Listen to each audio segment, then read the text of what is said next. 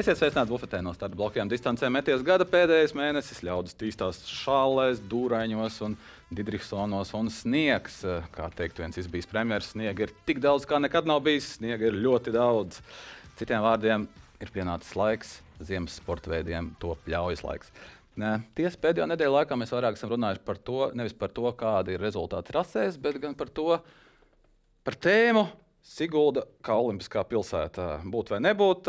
Tagad mums atbildē, diemžēl, ir zināma, vai par laimi tā tad nebūtu.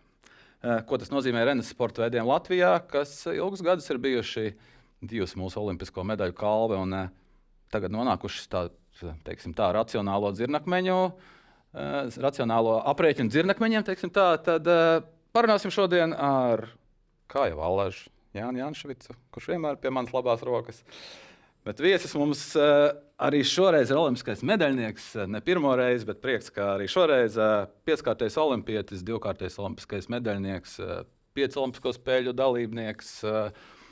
Latvijas pirmās olimpiskās, ziemas olimpiskās medaļas ieguvējs pēc neatkarības atgūšanas. Pareizi. Uh, labāk, Latvijas labākais kamaniņu braucējs, tagad uh, kamaniņu braucēja treneris Mārtiņš Rubenis. Sveiks, Mārtiņ, prieks tevi pie mums redzēt. Labs vakars!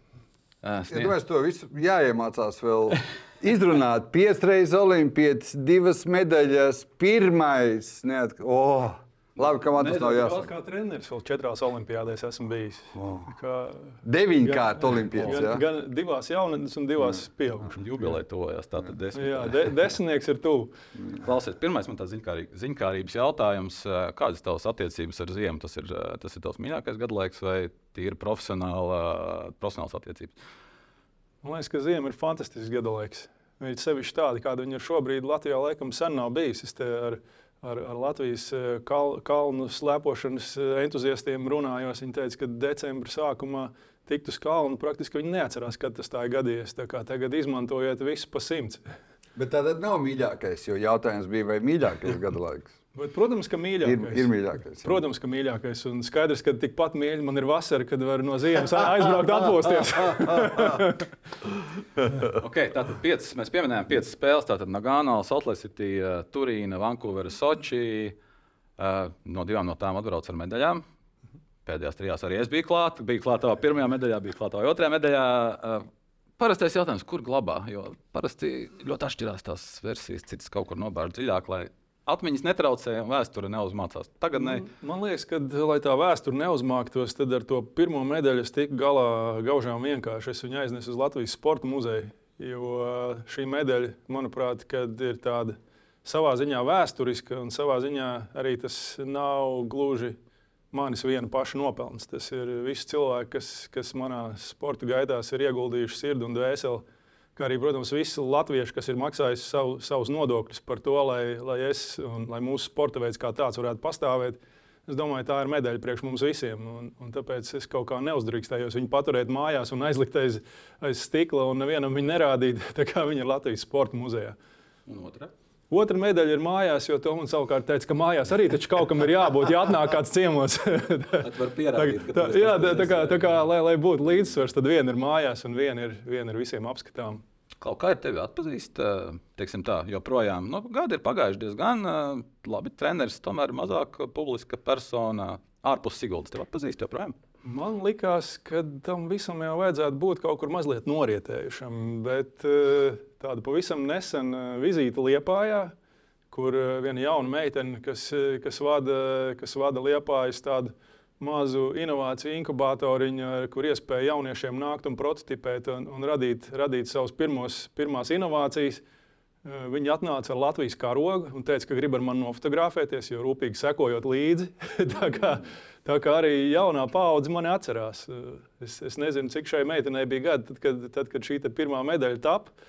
Bet, eh, bet jā, viss, viss cieņa. Un, tā kā, tā kā, tā kā, jā, tas viss nekur nav pazudis, un par to, protams, prieks. Tikko secinājām, ne tikai bijušais, tu esi, tu esi esošais, ne tikai treneris, tikko pieminējām no inovācijas. Mēģinām paiet cauri visam, kas tu šobrīd esi. Varbūt sākam ar to Rīgas Tehniskās Universitātes Zinātnes un Inovāciju centra dizaina fabrika.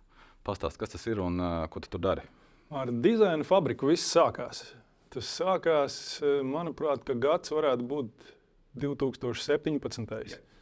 pirms, eh, pirms, eh, pirms, pirms mūsu komanda devās uz, uz Olimpiskajām spēlēm Pjončanā. Tad es pats biju nesen sācis strādāt ar junioru un, un jauniešu izlasi. Mēs bijām jau nostartējuši diezgan labas sacensības jau jauniešu un junioru līmenī. Un tad man paaicināja klāt un pie lielās izlases, jo par cik šie ir šie jaunieši bija izauguši jau līdz, jau līdz lielās izlases vecumam. Konkrēti tajā, tajā brīdī tas bija Kristers Aparjots.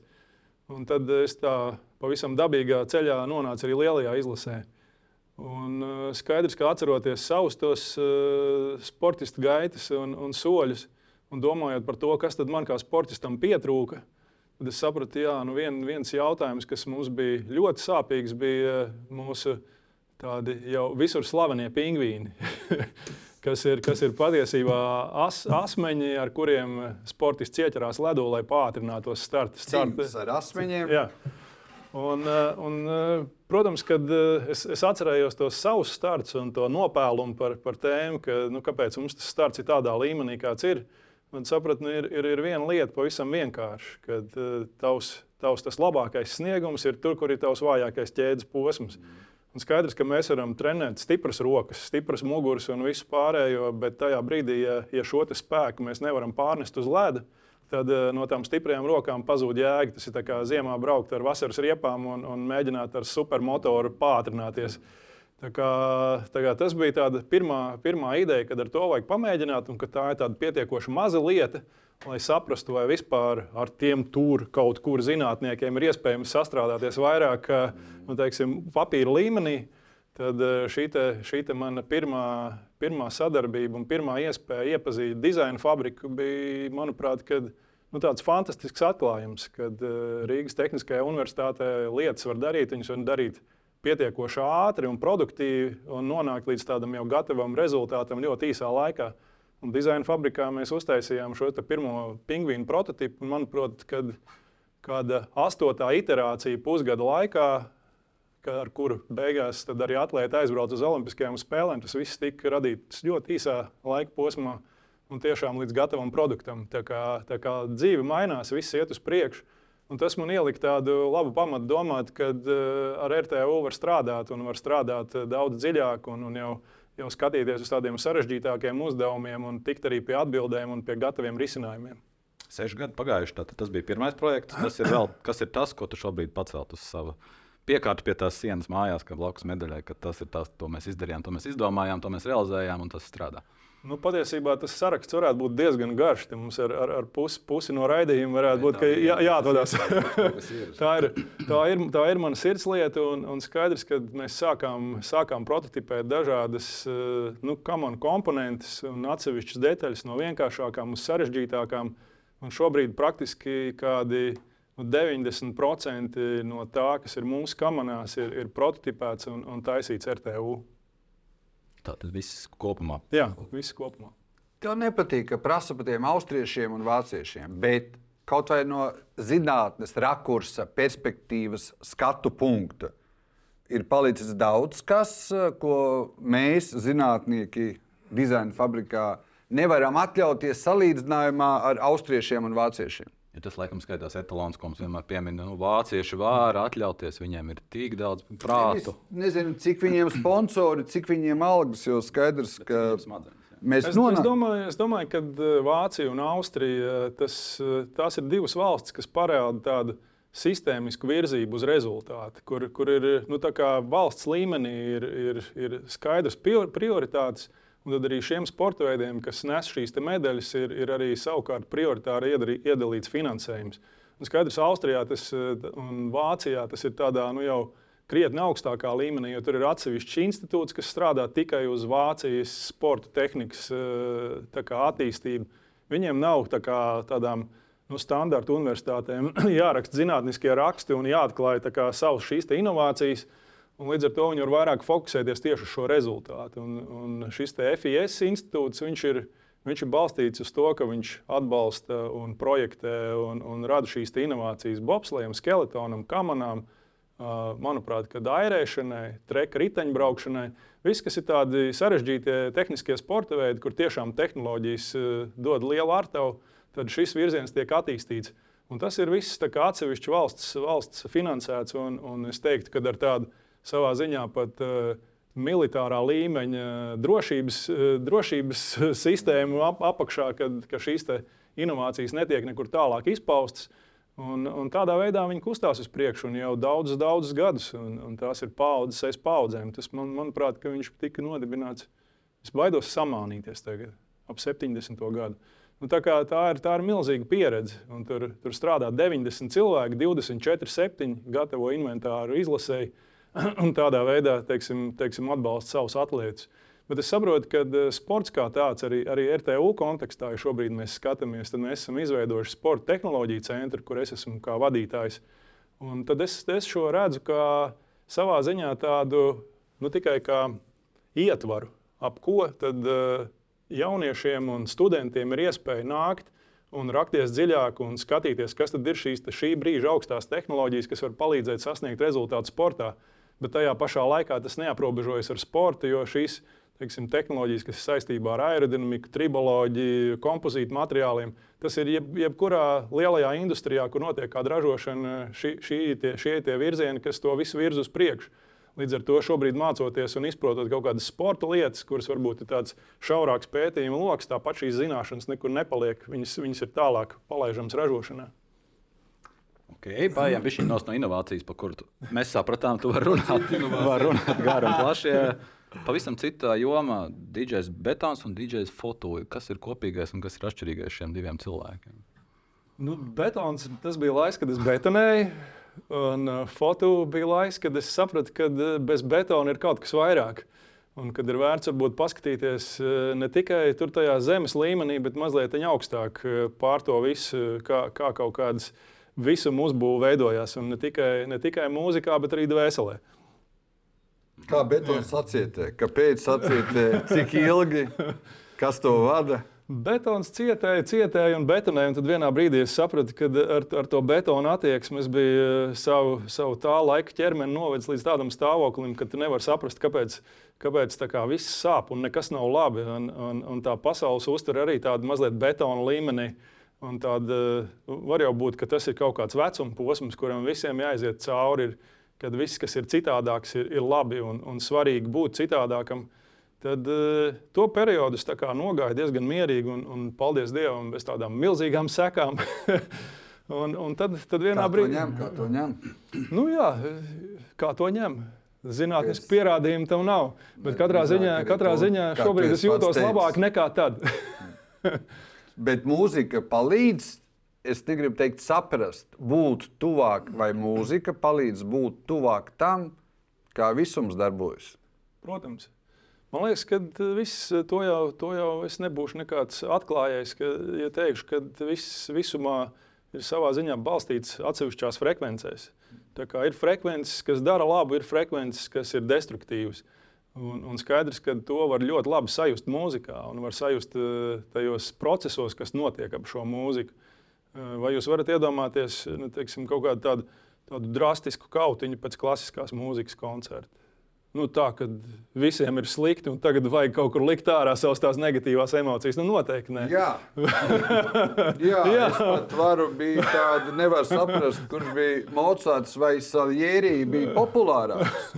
Bet kaut kā viņi nu, nonāca, starpā varēja izkauties. Bet... Viņi nonāca pie kautiņa pēc klasiskās mūzikas. Un ne tikai pie kautiņa tiek uzskatīts. Bet, bet, bet viņi nekāvās par mūziku, bet eh, viņi, es teiktu, ka viņi kāvās par ideju, bet eh, ne gluži par mūziku, jo virziens jau viņiem abiem bija skaidrs. es par to destrukciju vairāk. Betons tev noveda pie tā, kas tu esi šobrīd. Līdz ar to fiziskais es, es, betons. Es, es iebetonēju pamatus, teiksim tā. Ja. Vai tas bija beigās, jo it kā vienu brīdi tev šķita, ka tas tavai mugurē ir destruktīvs. Bet paskatoties no lielākā attāluma un ilgākā termiņā, varbūt nemaz nebija destruktīvs, ka bija konstruktīvs. Tas ir kā paskatās. Nu, es atceros to laiku, negribētu tur atgriezties. Jā, bet tu nonāci Negā... pie tā, jā. Bet vai bez betona būtu tas Mārtiņš Rubens, kas te mums sēž bufetē bez čipsiem? Pilnīgi noteikti nē. Kā? Tu abu kā vis, visam savs laiks un ceļš, vai ne? Abu gadījumā tu pieminēji vārdu bija, biju. Viss, kad tu pēdējo reizi nospēlēji kaut kādu pēdējo setu kādam, kādam, kādai publikai?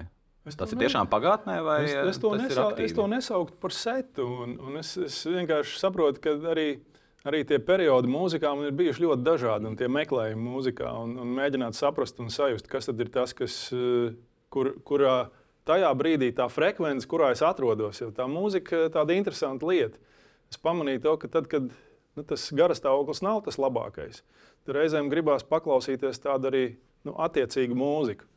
Bet tad pagāja kaut kāds laiks, un es sapratu, ka tomēr, zini, bet ja es mēģināšu uz tās frekvences tā turpināt dzīvot, tad vai viņi man nepaliks vēl vairāk zem ūdens? Tad varbūt reizēm tā mūzika ir tā, kas varbūt ir jāpaskatās un, un, un jāpagriež tajā virzienā, kas mums palīdz kaut kādiem šiem te, ne tiem gaišākajiem brīžiem tikt pāri.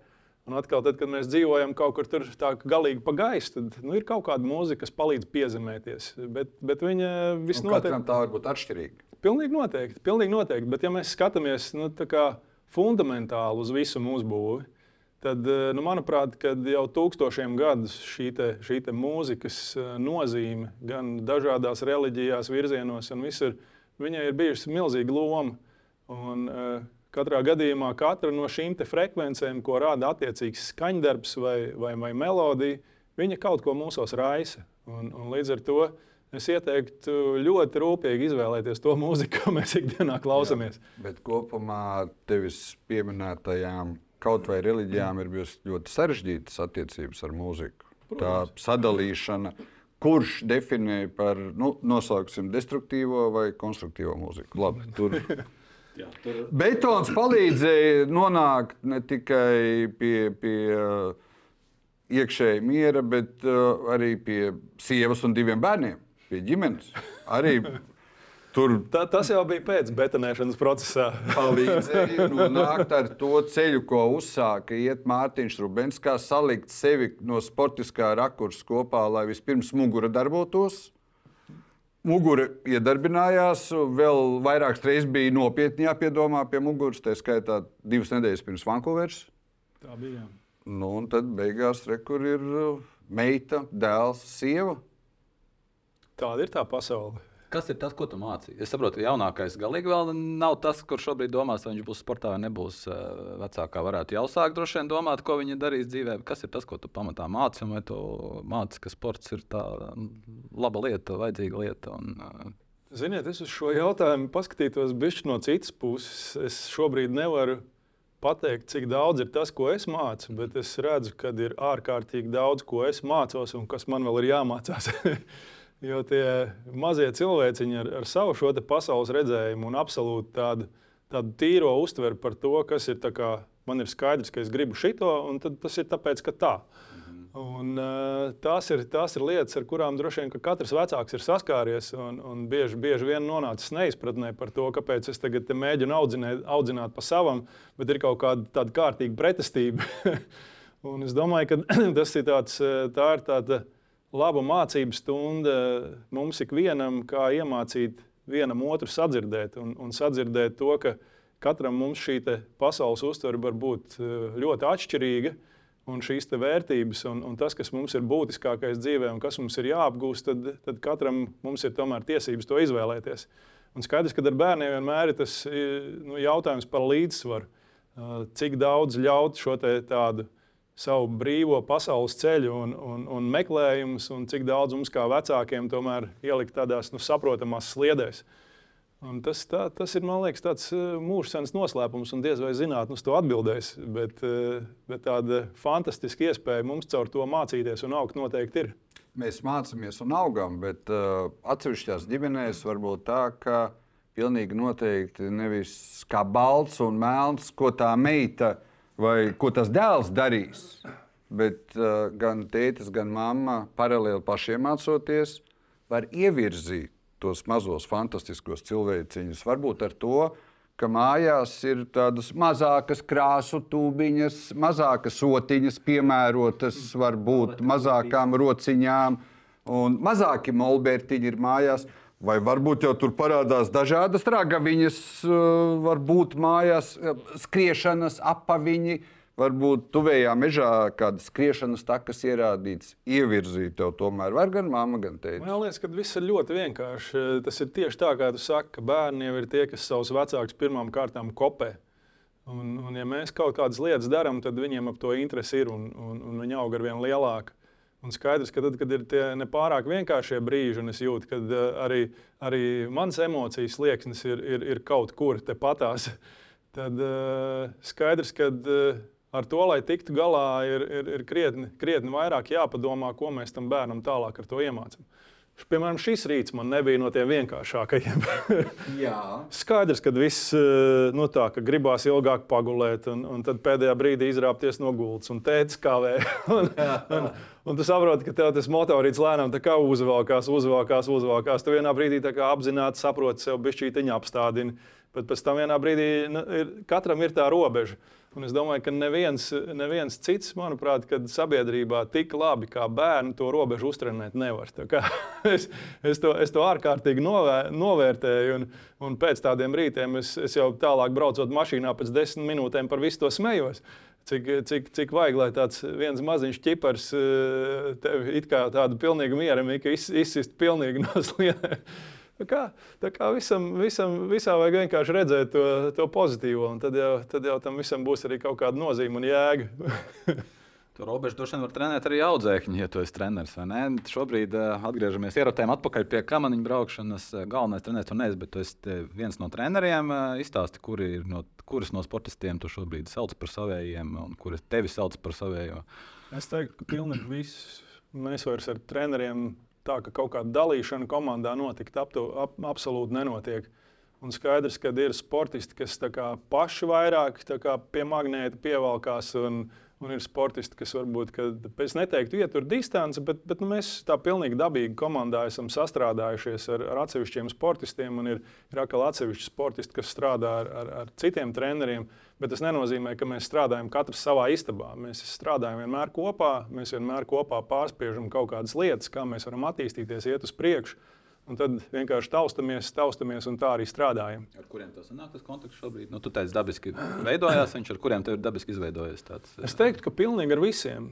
Es, es šobrīd runāju tikai par kaut kādu, nu, tā kā varbūt to varbūt sadalījumu procentuāli, kad ar vienu varbūt ir 40% un cits treneris 60%, bet tā, ka būtu tā kā ir mani sportisti un kādu citu sportisti, absolūti mums tā nav komandā. Ir vesela virkne bijušo kamaniņu braucēju, kas uh, ir treneri šobrīd. Bez rubra Kilinieks, Orlova Mauriņš, Rozīts, Kalniņš. Tur ir monētas divas puses. Tas, protams, ir ļoti labi. Un, Zināšanas tiek saglabātas, tā teikt, sporta veidā. Pilnīgi noteikti. No otras puses, mēs redzam medaļas otru pusi par to, ka nu, iespējams kāds īsti nespēja izkāpt no tās savas vienas dzīves ārā un īsti nekur citur varbūt savu pielietojumu, piepildījumu neredz un uztver to kā tādu nu, ērtāko soli, nevis varbūt savu piemērotu. Nu, es teiktu, ka tas, ko es redzu ar, ar tiem treneriem, kas strādā ar komandu, un arī ar mazajiem, kas ir, kas ir nostarbūt no lielās izlases, bet strādā ar jauniešiem, es teiktu, ka nu, es it, it vienā no viņiem redzu, ka tā ir sirdslieta. Un ka viņi saprot kaut kādu savu šo te, nu, misijas sajūtu par to, ka, ja viņi aizies, tad kas tos bērnus trenēs? Un man liekas, ka tā, tas ir tāda, mums ir izdevies tiešām nu, saglabāt šo tādu paudžu maiņu saglabājot šos sportistus, kas, kas patiesībā ir milzīgs iegūms šiem bērniem, kas nāk un trenējas. Jo paņemt, paņemt kādu nu, kā violas eh, pasniedzēju, kurš nekad mūžā violi nav spēlējis, nu, tur diez vai kaut kas prātīgs sanāks. Un tieši tāpat tās ir ar kamerām. Tas ir ļoti specifisks sporta veids, ļoti filigrāns sporta veids. Kad ar šo, ar šo kamanu tam, tam mazajam bērnam ir jāiemācās braukt un jāsaug kā vienam veselam. Uh, Un tiešām šīs smalkās niansītes, kuras var sajust un pēc tam tālāk nodot nākošai paudzei, var tikai cilvēks, kurš tiešām pats ir braucis un braucis arī pietiekoši augstā līmenī. Jo vienkārši kā pastūrēt pa labi, pa kreisi, to katrs var iemācīties, bet, bet šīs niansītes, kas, kas iedod šo te, nu, vienotumu sajūtu kamanā un, un tiešām arī beigās dod šo rezultātu, tas, tas, tas nav iemācāms skolā. Tas ir pašam jāiziet šī savu dzīves skolu kamaniņu trasē no, no sāpīgiem kritieniem un bortiem un viss pārējā, lai, lai saprastu, kā to iedot. Varbūt tālāk bērniem, kuriem, kuriem, kuriem tā pirmā pieredze ir ārkārtīgi svarīga. Pasaules čempionāta medaļas mēs vēl gaidām. Kādā ziņā? Pasaules čempionāta medaļas mums ir ļoti labi panākumi, ieskaitot zeltu pasaules kausos. Pasaules čempionātos mums medaļu arī jau pietiek. Nu, bet eh, es, es teiktu, ka mums pasaules čempionātā, tāpat kā Olimpiskajās spēlēs, šobrīd pietrūkst zelta. Visas pārējās medaļas mums ir. Jā, man man, man pašam ir. Vecais kalns, domāju, vairāk tu teici par tos jaunos violniekus mācīt. Nu, tādi jaunie violnieki pēdējās desmit gadē, nu, teiksim, tā nav nākuši tādi tādi kā Jums individuāli talanti. Treneri, tieši par šiem treneriem. Nu, es, es, es teiktu, ka konkursu uzvarētāji vēl es, nav izauguši. Es teiktu, ka mūsu komandā jau pēdējie vismaz trīs gadi rāda to, ka mēs esam pasaules elitē un tādu rezultātu, kādi ir bijuši iepriekšējā sezonā, mums visiem kopā nav sapņos rādījušies. Tā ir tā paudzē, kas brauc pirms tam. Un eh, tas, ka mūsu sportistiem šobrīd pieder trīs no četriem trases rekordiem Siguldā. Tas varbūt kādam liekas, ka tas nav nekas. Bet, ja es paskatos uz to trases rekordu, tad tas ir tieši par sekundi ātrāks nekā tad, kad es beidzu braukt ar kamaniņām. Tā kā, tā kā viss tas, kas notiek, viss notiek uz labu, un arī, un arī pasaules kausa kopvērtējums, kas, kas bieži vien, teiksim, nu, tajā mana, manas paudzes sportistos, ja mēs cīnījāmies par nu, kaut kādu vienu reizi uz piedestāla. Un, un ideāli, ja tas ir pasaules čempionātā, izdodas izšaut. Šobrīd komanda brauc medaļās katrā pasaules kausa posmā. Ir, ir, tie nav atsevišķi sportisti, bet, bet viņi savā starpā var mainīties. Un tā iekšējā konkurence un, un tas dzenulīts, kas dzen vien otram tur, uz priekšu, es domāju, ka viņš ir, viņš ir ļoti labs šobrīd. Un tas, kad eh, skaidrs, ka to redz arī, arī jaunā paudze, nākot iekšā komandā, kad teiksim, vienu, divus gadus pastrādājot, viņi jau ir turpat, kur pārējie. Tā, tā, manuprāt, ir ļoti laba motivācija. Kā par jauno paudzi runājot, nevar neprasīt. Ja nepatīkami jautājumi bija rudenī stāsts par Mūrjāņiem, par 14-gadīgo audzēkni, kuru fiziski emocionāli ietekmēja. Uh, Stāsts bija tieši par kamaniņu braucējiem. Viens no viņiem, ja pareizi atceros, uzreiz izņēma dokumentus. Trīs palika ar brīdinājumiem. Cik es zinu, divi šobrīd ir joprojām Olimpiskā vienībā. Tas nozīmē, ka nu, komandā un uh, Kā jums izdevās iekšēji šo atrisināt? Tobrīd, tobrīd mēs dzirdējām, federācija teica, mēs runāsim, mēs risināsim, netiks nekas pieļauts. Kā tas ir attīstījies? Zinot, ka nu, droši vien tas nav pamats, uz kā būvēt tādu? Nu, patiesībā es teiktu, ka tas, kā šajā situācijā rīkojās Kamaniņu sporta federācija, bija nu, ļoti fantastisks un pārdomāts solis. Jo mēs neizdarījām kaut kādus nu, kā tādus ātrus lēmumus, tīri balstoties uz atsevišķu cilvēku kaut kādu varbūt sniegto informāciju. Mēs mēģinājām šo jautājumu kā, parakties viņā dziļāk, mhm. saprast gan šo te, gan vecuma posmu psiholoģiju, kāpēc kaut kas tāds ir noticis, kāpēc uh, varbūt mēs neesam to pamanījuši pirms tam.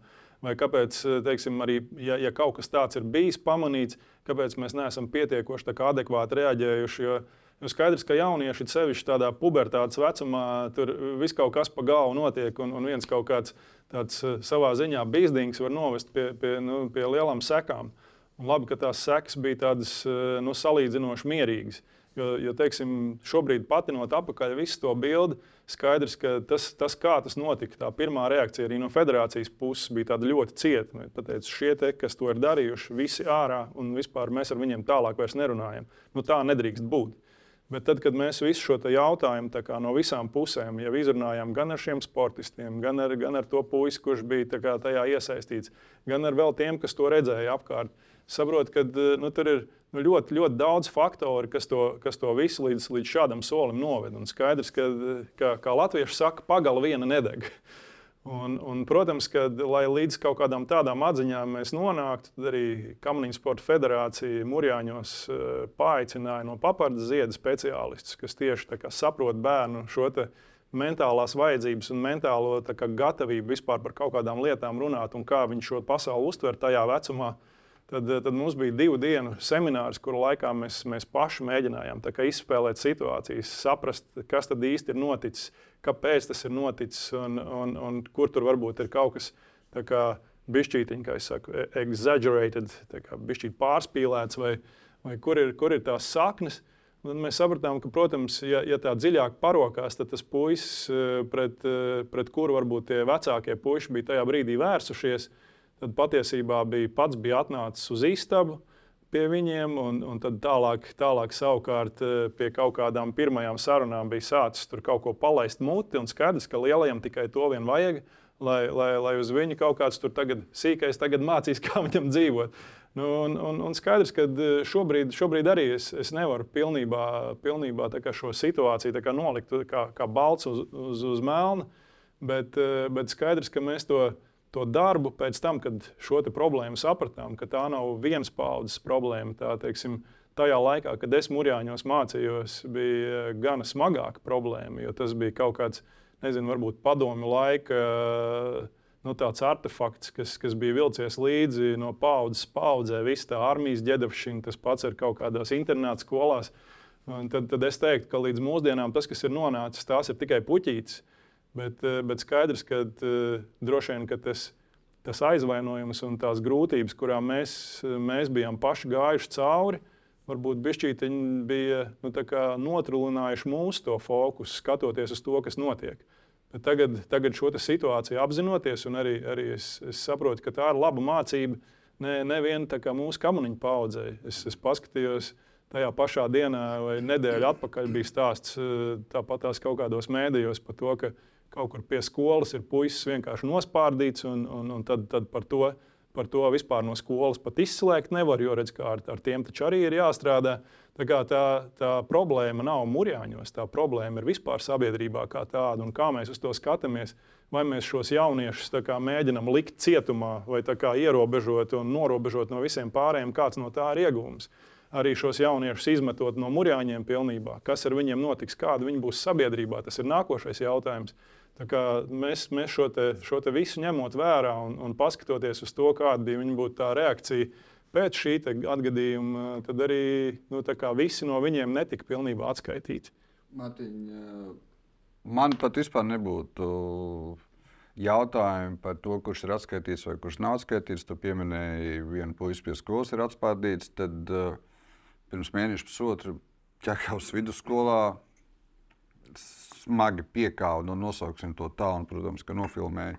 Uh, tad uh, šo gadījumu nofilmēja. Tad uh, nosauksim to tā, treneris bučojās ar 15-gadīgu audzēkni. Vai tev ir sajūta, ka sabiedrība grib izprast šos procesus? Nevis kuri ir izslēgti, kuri nav izslēgti, kurš turpina, kurš neturpina. Vai sabiedrība grib iedziļināties, saprast, Es domāju, ka sabiedrība nevar pavilkt kā vienu strīpu, kā sabiedrība. Ir adekvāti cilvēki un ir neadekvāti cilvēki. Vieniem, vieniem interesē kaut kāds, nu, lai, lai tur būtu kaut kāda ažiotāža, hardcore un vēl kaut kas, un tas, tas kā, nu, papildina viņu kaut kādas slimo, varbūt domāšanas formu, un ir, ir adekvāti cilvēki, kur saprot, ka tas nav pareizi. Un, es, un skaidrs, ka uh, bieži vien. Bieži vien tas, ko mēs redzam arī, arī mēdījos, šīs negatīvās ziņas, visas pārējās, kas labāk pārdodas, uh, liekas, ka nu, viss ir slikti. Bet galu galā, ja, ja, to, ja to visu tā racionāli salikt pa plauktiņiem, ja mēs vairāk runātu par šiem labajiem piemēriem, kad, kad redz, kur ir risinājums, redz, kur par to var runāt, par to var, par to var stāstīt. Un labi, kaut kas slikts ir noticis, bet ko mēs no tā varam mācīties? Man liekas, tas ir pats būtiskākais. Nevis uzreiz ņemt un kādu sodīt, bet izprast, kāpēc tas ir noticis. Kāpēc mēs visi, kas esam bijuši apkārt, un to redzējuši, ka tas lēnām grūzd, kāpēc mēs neko neesam darījuši. Vainot tikai, tikai vienu cilvēku vai, vai, tur, vai dažus puikas, kur ir vienkārši tādā formātā uzauguši, tas absolūti nav pareizi. Māties, teicu, man vispār nav jautājumu. Es uh, pilnībā uzticos. Uh, es negribētu iepildīt dziļākos ūdeņos, bet es gribu paskaidrot, ar ko es domāju, domāju sabiedrību. Es domāju to, ka man nav pieņemami, ka audzēknis savā sporta veidā, treneris bučojās ar 15 gadīgu audzēkni. Pilnīgi piekrītu. Un uh, Latvijas likumdošana paredz, ka Izglītības zinātnes ministrija, uh, Latvijas sporta, uh, sporta federācija padome, attiecīgā pašvaldība un attiecīgā sporta veida federācija lemj par to, vai šis treneris var iet pie nākamajiem bērniem. Pilnīgi, pilnīgi, pilnīgi tam piekrītu. Un šīs četras organizācijas uzskata, ka tas ir normāli. Tā es biju domājis sabiedrību. Nu, tur es neredzu, ka izdara to spiedienu kaut vai uz izmeklēšanas laiku, jo runa ir par iespējams pietiekami smagu kriminālu atbildību. Nu, stāsts, stāsts droši vien arī ir, ir jāsaprot tā pamatos, vai, vai, tas ir, vai tas ir tāds atsevišķs gadījums, eh, vai, vai tur var būt tās saknes ir krietni dziļākas. Yeah. Un, un skaidrs, ka lai, lai no šādām situācijām eh, nu, tiktu nu, mazināt šādas situācijas, tad sabiedrība būtu jāinformē. Un tieši tāpatās arī, arī apmācot jaunos trenerus un to visu, parādot šo ētikas kodeksu un, un tās sadaļas, kas savukārt ir veido mūsu kā sabiedrību, kā normālu sabiedrību, kas ir, kas ir neatņemama sastāvdaļa, vai tu esi treneris, vai tu strādā jebkuru citu darbu, kad eh, nu, tai vajadzētu būt vienkārši kā normai. Un par to ir jārunā. Jo skaidrs, ja par to nerunā, tad, tad, tad vienā brīdī tas piemirstās. Mēs cenšamies. Paldies jums par to. Eh, tu pieminēji pats Mūrjānietis, teici, esi piedzīvojis kaut ko, nu, teiksim, citādās formās, bet eh, pēcpadomu periods tomēr bija tā Džedovčinas un tā iesvētība tradīcijas bija šīs citas. Tu būtu gribējis, lai tajā laikā par to runā, vai tu jūties labi par to? Nu, Daudz mūrjāniešu šim gadījumam izskanot, daudz mūrjāniešu nepija ieslēgt mikrofonu, bet teica, jā, mūsu laikā bija, mūsu laikā bija traki, metodas bija diezgan briesmīgas, bet nu, mēs negribam par to šobrīd publiski stāstīt. Uh, Tu esi viens no tiem, un tu esi kaut ko, nu, neprasām ko, bet jautājums, vai tu būtu gribējis, lai tas izskan kā šajā gadījumā, un lai būtu jums nāktu stāstītu tiem, kas dara, tiem, kas uh, cieš. Nu. Patiesībā to, ko es redzēju tajā laikā, arī, arī mūsu kamaniņu nodaļas treneris, kas, kas bija Jānis Ozoliņš, uh, lai viņam viegls smilts. Uh, viņš savā ziņā šo, šīs situācijas redzēja, kas notiek iekšienē, uh, un viņš mēģināja viņas risināt un runā, runāt ar abām pusēm. Tas eh, vienkārši tas neizskanēja uz ārpusi, bet es saprotu, ka eh, tam, tam visam nav jānonāk ārpusē. Tad, ja tās ir cilvēciskas attiecības, un tad, ja laicīgi tas ir pamanīts, un ja, ja ar katru no šīm pusēm ir iespēja runāt un, un tā kā, tā kā salikt uz, uz galda to saprotamo bildi, kaut vai pavaicājot, vai tu gribētu, lai ar tevi tā rīkojās. Un, un bieži vien šī tāda cilvēciskā attieksme teiksim, no, no, no šī trenera, no Jāņa Ozoliņa puses, bija tas, kas šīs lietas atrisināja nevis tādā drastiskā formā, tu esi atskaitīts un tu vairs, tu vairs šajā grupā neesi. Bet tiešām šie cilvēki mainījās. Es domāju, ka daudz no viņiem var, var pateikt milzīgi paldies par to, ka viņi kā cilvēki ir mainījušies šī treneru klātbūtnē. Un skaidrs, ka tas ir jautājums par to, ka tajā brīdī, kad nu, treneri tiek mācīti, kad ir ārkārtīgi svarīgi šim jautājumam pievērst lielu uzmanību. Jo treneris savā ziņā ir, ir tieši tāds pats pedagogs. Un bieži vien tādā mūrjāņu sporta gimnājā treneris mums bija praktiski kā tēvs un māte un visi šie skolas darbinieki, jo mēs viņus redzējām vairāk kā savus vecākus. Līdz ar to viņiem jau nācās uzņemties tādu kā vecāku lomu. Un skaidrs, ka nu, katra, katra bērna vajadzības varbūt nespēja uzreiz kompleksi ieraudzīt. Bet, eh, bet šeit sarunai ir jābūt. Un, un, un es domāju, ka vis, visā ziņā, vismaz tai vecajai paudzei, tās vērtības bija iekšā. Es nezinu, vai šobrīd, šobrīd ar jauno paudzi ir tik vienkārši, bet, eh, bet es, es skaidri redzu, ka par to ir jārunā un jārunā vairāk. Un varbūt arī, arī šo treneru apmācības procesā vairāk šīs lietas jā, jāietver. Jo, jo es zinu, ka mēs Sporta pedagoģijas akadēmijā mācījāmies par vecuma posmu psiholoģiju, lai labāk saprastu bērnus. Uh, Bet savukārt šo sadaļu, kas ir, kas ir vairāk par to, kā, kā trenerim ar šīm te, nu, lietām padziļināt, strādāt un kā izprast šos procesus, nu, es domāju, ka var runāt vairāk un var lielāku akcentu uz to likt. Jo gadu, gala, mm, galu galā jau viss šī te, augstskolas būtība. Un arī, arī jebkuras skolas būtība ir tas, nu, sagatavot kā, normālu cilvēku ar normālu psihi, ar normālu attieksmi, nu, dzīvei sabiedrībā, lai mēs, lai mēs saprastu uh, šīs, te, šīs te vērtības, no kuras jeb, jebkurā dzīves situācijā mēs neatkāpjamies. Ta, tas ir tas, kā mēs dzīvojam. Un tas ir pedagoģa uzdevums to izdarīt. Kopš tava mūža laika pamainījies arī kamaniņu sports. Ir uh, nākusi klāta stafete, sprinta sacensības, sieviešu divnieki. Kā tev patīk šie jaunie vedumi?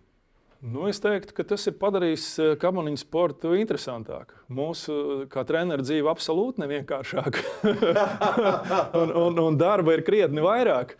Bet, bet es teiktu, ka tas ir iedevis kaut kādu jaunu elpu. Sevišķi šī stafetes disciplīna, kurai šogad arī ir pievienojies arī, kā jau teicu, sieviešu divnieks.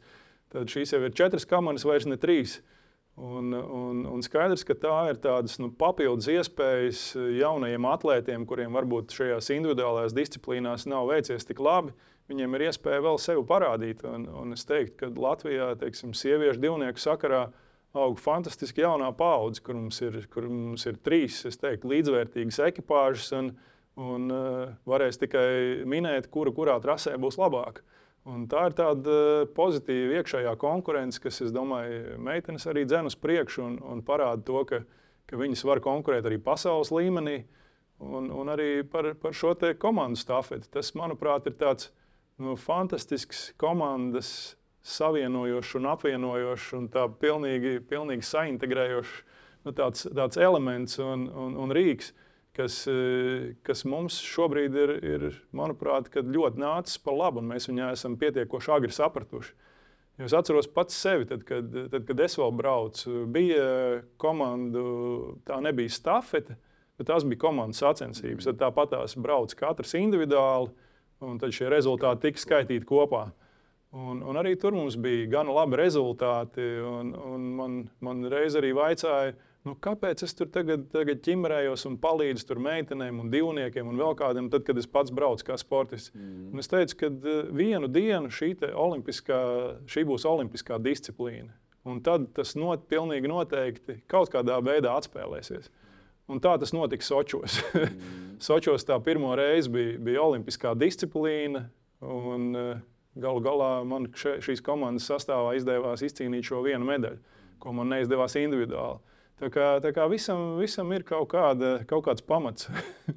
Bet viss šī rezultātā tā ir kļuvusi par diezgan lielu mašinēriju. Nu, teiksim, ņemot vērā to, to daudzās iespējas, daudzās uh, disciplīnas. Uh, Nu, Olimpiskā vienībā kamiņu braucēji vienmēr ir bijuši pārstāvēti plaši, un šobrīd ir tik ļoti plaši, kā laikam nekad. Šķiet, ka 26 uzvārdi ir. Uh, Tie ir visi treneri, tas medpersonāls, viss tas. Nu, tā ir diezgan liela, liela, liela grupa. Mēs, cik vēl ir Eiropā, cik pasaulē ir tās valstis, kas tik nopietni pieeja šim sporta veidam.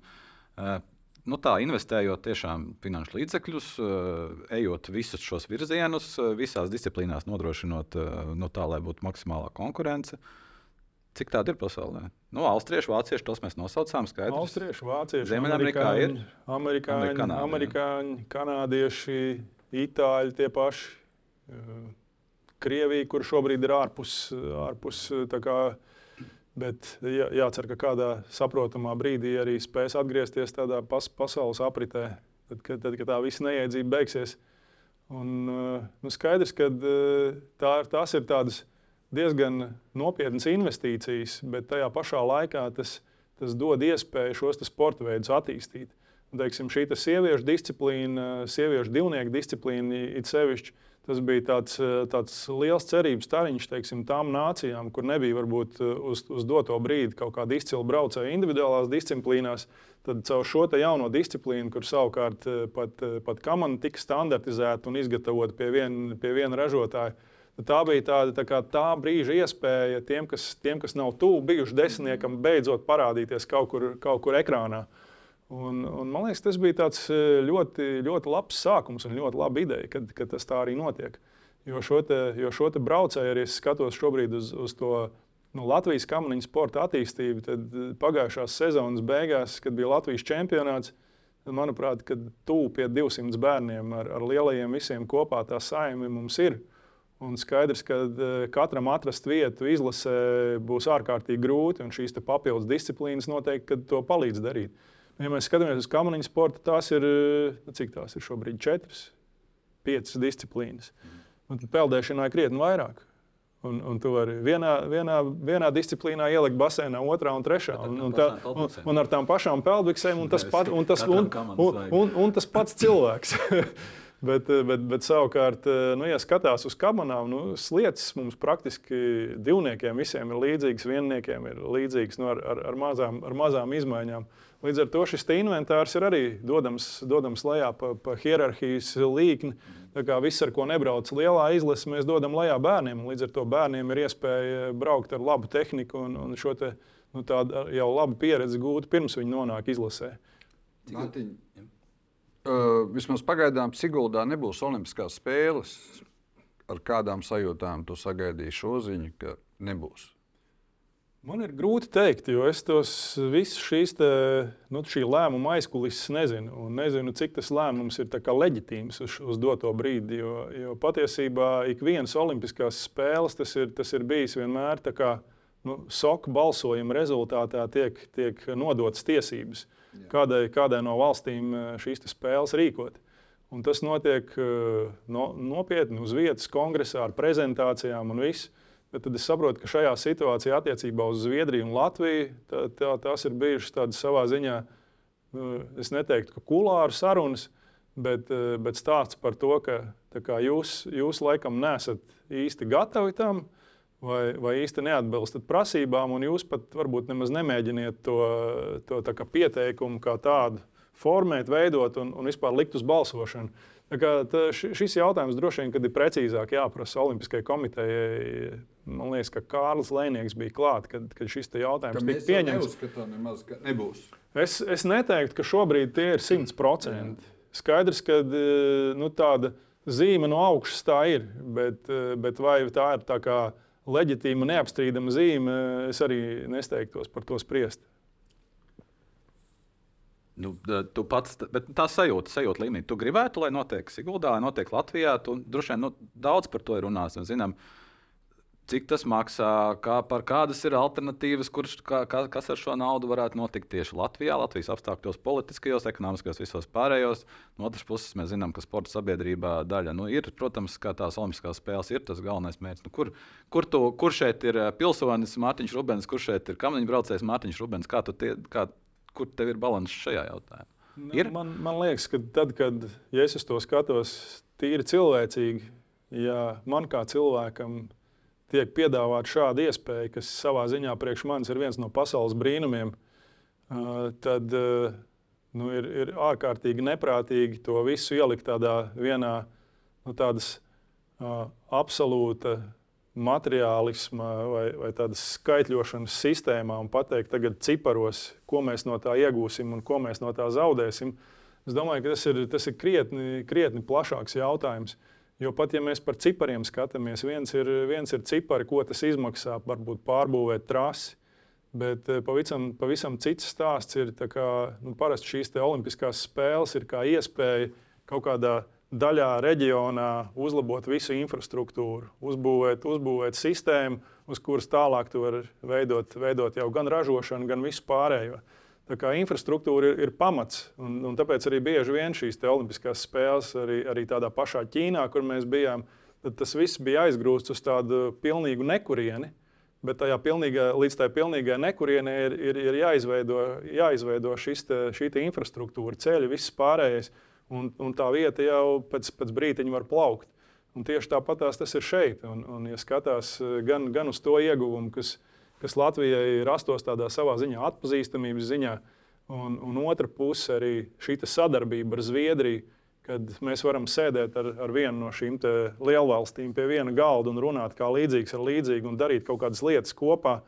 Varbūt tā ir iespēja paskatīties to labi. Mēs tagad Olimpiskās spēles norganizējām.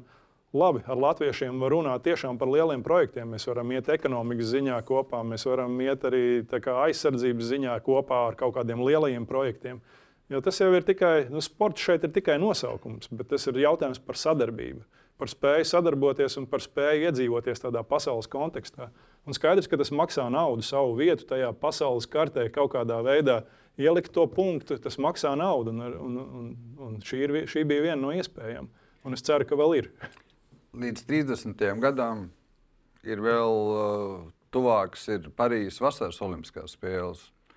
Tu esi daudz stāstījis. Es ceru, ka mūsu klausītāji, skatītāji arī zina, ka tev bija pašam diezgan uh, sarežģīta, pretrunīga attieksme pret to olimpi, olimpiādu, olimpiskajām spēlēm. Tev bija sarežģīti aizbraukt, tev bija dažādas pārdomas par braukšanu. Tagad var pienākt līdzīgas pārdomas par braukšanu, nebraukšanu uz Parīzes vasaras spēlēm. Vai tu saskati līdzības, vai tur var būt līdzīga situācija, ja tomēr tur šādā vai citādākā statusā tiek pieļauta krievu sportistu līdzdalība, vai tur var būt līdzīga situācija tām pārdomām, kas tev bija par braukšanu vai nebraukšanu uz Pekinu? Skaidrs, ka par tiem politikas jautājumiem sports vienmēr ir nolikts uz sliedēm. Un, un sportisti kā tādi, kas, kas gatavojās un, un, un dara savu darbu un, un mēģina izdzīvot kaut kādu savu, savu dzīves sapni un, un sasniegt savu mērķi, viņi ir nolikti tajā, tajās eh, politikas krustcelēs, kur visu laiku kaut kāda vilciena joņo, un katram šīs izvēles ir jāizdara. Un skaidrs, ka eh, mēs, mēs atceramies to pašu 80. gadu un, un, un to visu, kad, kad tur, tur padomju savienības sportisti neaizbrauca un tad neaizbrauca atkal amerikāņi. Un, un, un skaidrs, ka tas viss bija sav, savā veidā tāds augstāk kara ierocis. Un skaidrs, ka arī Olimpiskās spēles ir pietiekoši tāds, eh, no liels, liels globāli nozīmīgs pasākums, kas pievērš uzmanību šīm lietām. Un arī, arī tas, tas, par ko es runāju, teiksim, Ķīnas sakarā, kad tas bija 2008. gads, kad uh, mēs uzzinājām vienkārši tikai tāpēc, ka šīs Olimpiskās spēles tur, tur tika iedotas. Uh, Nu, tas tika, tā, tā Ķīna tika pavērta bišķītiņa eh, nu, tā zem tādas lielas lupas. Paskatīties, kas tur īsti notiek, uz kurien mēs braucam, kāpēc mēs uz turieni braucam, kāpēc, kāpēc mēs esam gatavi sadarboties. Un kad tu saproti, ka visa pasaule pirms tam bija pilnīgi normāli pieņēmusi, ka tas, kas tur notiek, tas ir normāli. Mēs tur varam pelnīt naudu. Amerika tur ir uztaisījusi savu lielo rūpnīcu ar lēto darba spēku, un, un savā ziņā viss ir ērti un labi. Bet tad mēs saprotam, ka Olimpiskās spēles tomēr ir, nu, lai gan, lai gan varbūt šīs, šī brīža kontekstā, tā ir liela, liela finanšu mašinērija. Un skaidrs, ka tas ir, ka tas ir bizness. Bet tajā pašā laikā nu, nekur nav pazudušas šīs vērtības, kur, kur, ko šie olimpiskie simboli joprojām nes. Un skaidrs, varbūt, varbūt daudziem tas nav svarīgi.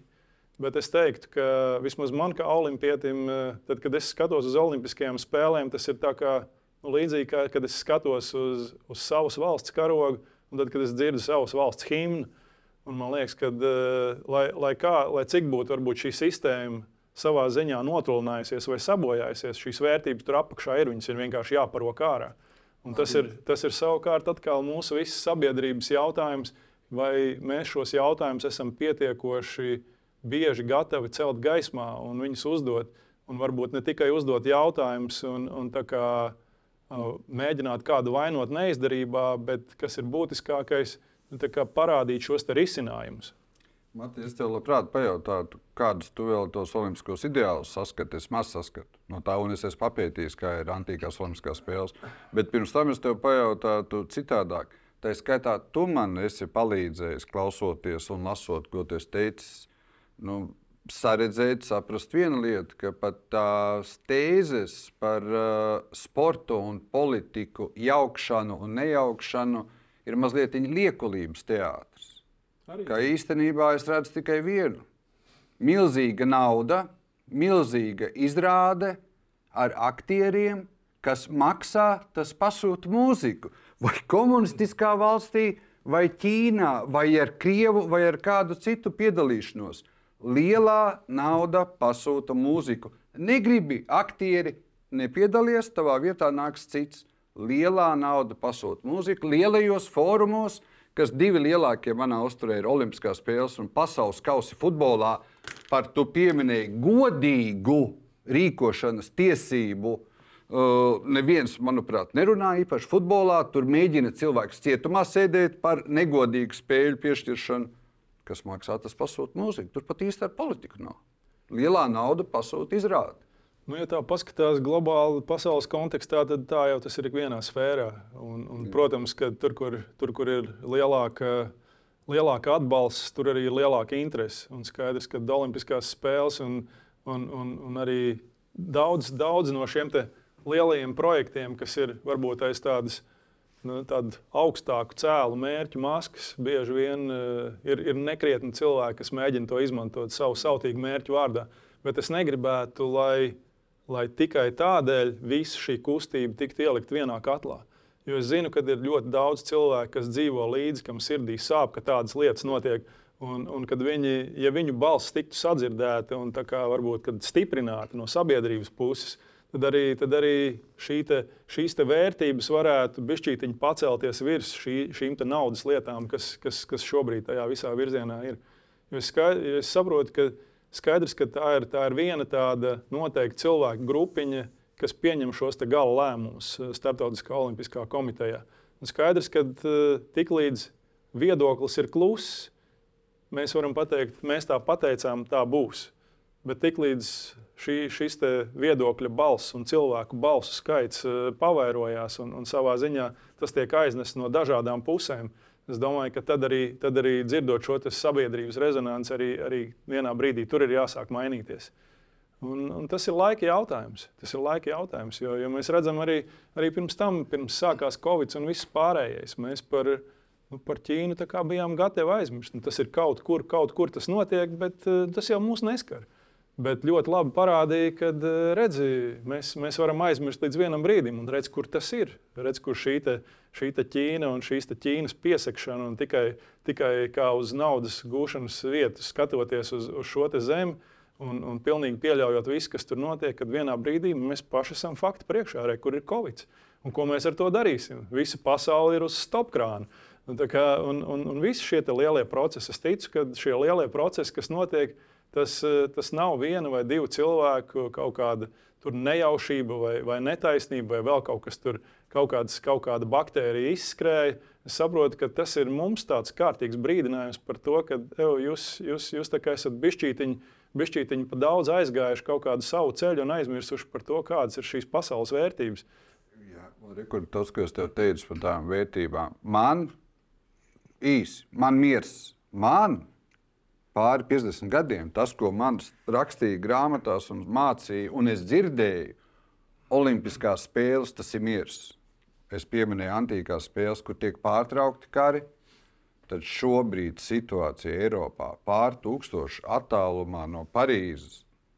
Tur vēl š, š, š, un paralēli brauks, skries, metīs. Man neiet kopā. Man, man, man, man tas arī absolūti neiet kopā, un es, es to nesaprotu. Es e, tieši tāpat arī saprotu, ka šie Krievijas sportisti ir savā ziņā nu, šo faktu un apstākļu un šī viena diktatora nu, savā ziņā ķīlnieki.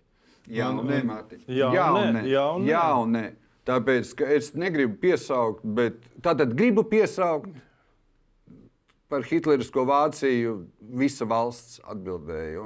Bet, es negribu dalīt, kurš pie kurām nometnēm stāvēja tikai sardzē un kurš ko darīja. Turklāt Ziemas olimpieši ar visām medaļām ļoti labprāt iet uz skatuves un uh, atrāda viņas. Uh, Un, diktatoru pasākumos. Tā kā nu, nav tā, ka es ticu, ka ir iespējams izvairīties. Kamaniņas uh, laikam bija drusku nostāk no skeletona un bobsleja, bet uh, ziemas sportisti vēl augļus ļoti labprāt eh, plūca kā reizi diktatora iedibināto institūciju un paņēmienu augļus plūca ziemas sportisti. Nu, tas ir saprotams. Tas ir, tas ir saprotams, un man tas absolūti nav pieņemami.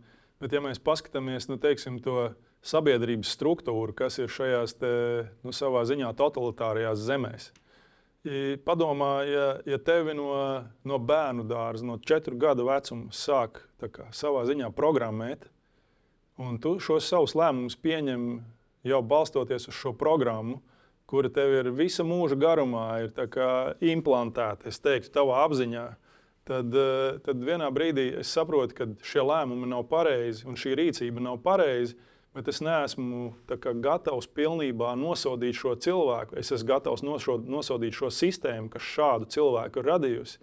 Un es esmu gatavs eh, darīt visu, lai palīdzētu varbūt ieraudzīt, kāda ir šī te, nu, varbūt rietumu pasaules redzējums. Mēs arī neesam nu, pilnīgi balti un tīri. Mēs varbūt esam nu, dikti savā tajā komercializācijā ielikuši un, un, un skatāmies uz visu kā uz naudu. Un to kontroli varbūt veicam nu, mīkstākā formā. Bet tāpat tā ir sava, sava veida kontrols forma caur naudu. Bet uh, skaidrs, tur, tur tas viss notiek vairāk caur spēku. Bet, uh, un, un abo, abās šajās sistēmās ir, ir kaut kāda sava klupšanas akmeņa. Un, un es saprotu, ka tie cilvēki, kas ir tur uzauguši arī par Ķīnu runājot, tu, tu, tu ar to cilvēku runā, un viņš vienkārši viņš pat īsti nesaprot, ko tu viņam mēģini pateikt. Jo viņam apziņā ir tik dziļi tas viss implantēts, šī, te, šī te ideoloģija, ka tā tam ir jābūt kad eh, pieņemot savus lēmumus, viņš vienkārši viņam neiet bēniņos kopā, kad, eh, vai tiešām var būt kaut kas citādāks. Pat tie sportisti, kuri, teiksim, nu, ko es zinu, kuri, kuri brauc pa pasaules kausiem, Krievijas sportisti, pat ar viņiem pēc tam, kad tikko tas karš sākās, mēs mēģinājām komunicēt. Daži bija tādi, kas tā kā, saprot un, un tā kā, kaut kas tur nošūpojās, bet daži bija tā, ka pilnīgi es zinu, ka viņam ir taisnība. Un, un tur, tur, tur tu saproti to varbūt līmeni. Un, un skaidrs, ka tie, tie jau ir cilvēki, kuri ir bijuši ārpus Krievijas, daudz redzējuši pasauli, daudz redzējuši, kas notiek, runājuši ar, ar, ar, ar citiem cilvēkiem. Bet cik cilvēku ir tādi, kas dzīvo Krievijā, kas nav bijuši ārpusē, tad tur vispār nav jautājums par, par tautas gribu. Tur ir. Es piekrītu praktiski katram vārdam. Es negribētu būt tiesnesis, bet man nav šādā rakursā jautājums. Man ir salīdzinoši vienkāršāk. Es runāju tikai par Ukrāņu sportistu tiesībām, neiet vienā arēnā savām slepkavām. Protams. Un savu radinieku slepkavām. Pilnīgi, pilnīgi mierīgi. Es tam piek... un es tā tiešām domāju, nevis es formāli piekrītu katram vārdam, bet šeit ir tikai par Ukrāņu sportistu tiesībām neiet arēnā slepkavām. Es pilnīgi tam piekrītu. Māt, Jā. es jau tur runāju. Nē, es gribēju mazliet iejaukties. Tu pieminēji, par, runājot par olimpiskiem ideāliem, par to, ka laika jautājums, ka tas varētu tomēr izdoties izrakt viņus no turienes ārā. Man ir radies jautājums, vai tavuprāt, Renes sporta veidiem ir šis laiks? Jo, nu, pēdējā laikā mēs esam dzirdējuši, to, tas pat Dainis Dukurs ir teicis, ka nu, bobslēgs un skeletons strauji mirst diezgan bezjēdzīgas federa starptautiskās federācijas darbības rezultātā.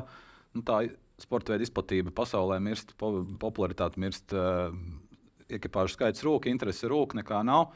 Nu, Kamaniņu sports ir vienīgais, kas kā, tur šīs pozīcijas, teiksim, tādu, mums tādas plašākas bāzes, bet nu, jūs esat gribēji, negribat saistīt, jo ledus trase būs tā pati. Un, ja divi no trījiem atkritīs kaut kāda iemesla dēļ no Olimpiskās programmas, līdz ar to arī droši vien, ka līdz tajā brīdī ir pavisam jautājums, kas notiks ar kamaniņu braukšanu. Kāda, kāda ir tā? Nu, kāda ir tā sajūta, vai ne, ne, netuvojās no aizmugures tā, tāda karstā nu, elpa? Es, es vēl nesēžu uz mākoņa maliņas un neredzu no augšas, kā, kā tas viss būs. Bet uh, katrā ziņā man, mana tā izpratne ir tāda, ka mēs uz šo brīdi, uz šo dienu varam ņemt šos te varbūt nelāgos piemērus par, par pamatu un uh, darīt, lai tā nenotiktu. Vai, teiksim, ņemt kaut vai mūsu šo kamaniņu sporta federācijas piemēru par pamatu un skatīties, kā mēs varam šīs lietas sakārtot, lai, lai arī šie pārējie sporta veidi tālāk spētu izdzīvot. Jo skaidrs, ka arī runājot par to pašu bobslēju, nu, ja, ja kādam liekas, ka tas ir stāsts par nezinu, 17 cilvēkiem, kas nodarbojas ar bobslēju, tas nebūtu tā nav. Tas ir, tas ir stāsts par to, kā, kā jaunieši, kur ir, kur ir pusmūžu nodarbojušies savu jaunību ar vieglatlētiku, nav varbūt sasnieguši to pasaules līmeni. Tāpat tās valsts viņos ir ieguldījusi, treneri, treneri viņos ir ieguldījušies. Tā viņiem ir otrā iespēja ielikt šajās bobsleja kamanās un, un atnest valstī kādu medaļu. Un kamēr, kamēr augšgalā ir, ir, ir tādi cilvēki kā Sandrs Prūsis un, un visa vis komanda, kas ir ap viņu, kas ir ar šīm zināšanām, es, es teiktu, ka uh, tagad paņemt pārvilkt svītru un pateikt, ka mums to nevajag, ka mēs to, ka mēs to neesam pelnījuši vai ka tas ir pārāk dārgi nu, ir, ir, ir ārkārtīgi kārtīgi jāizsver šie jautājumi.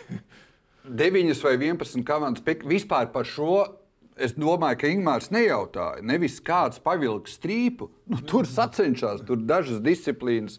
Sievietes Pekinā, modernākajā trasē, nebija vispār.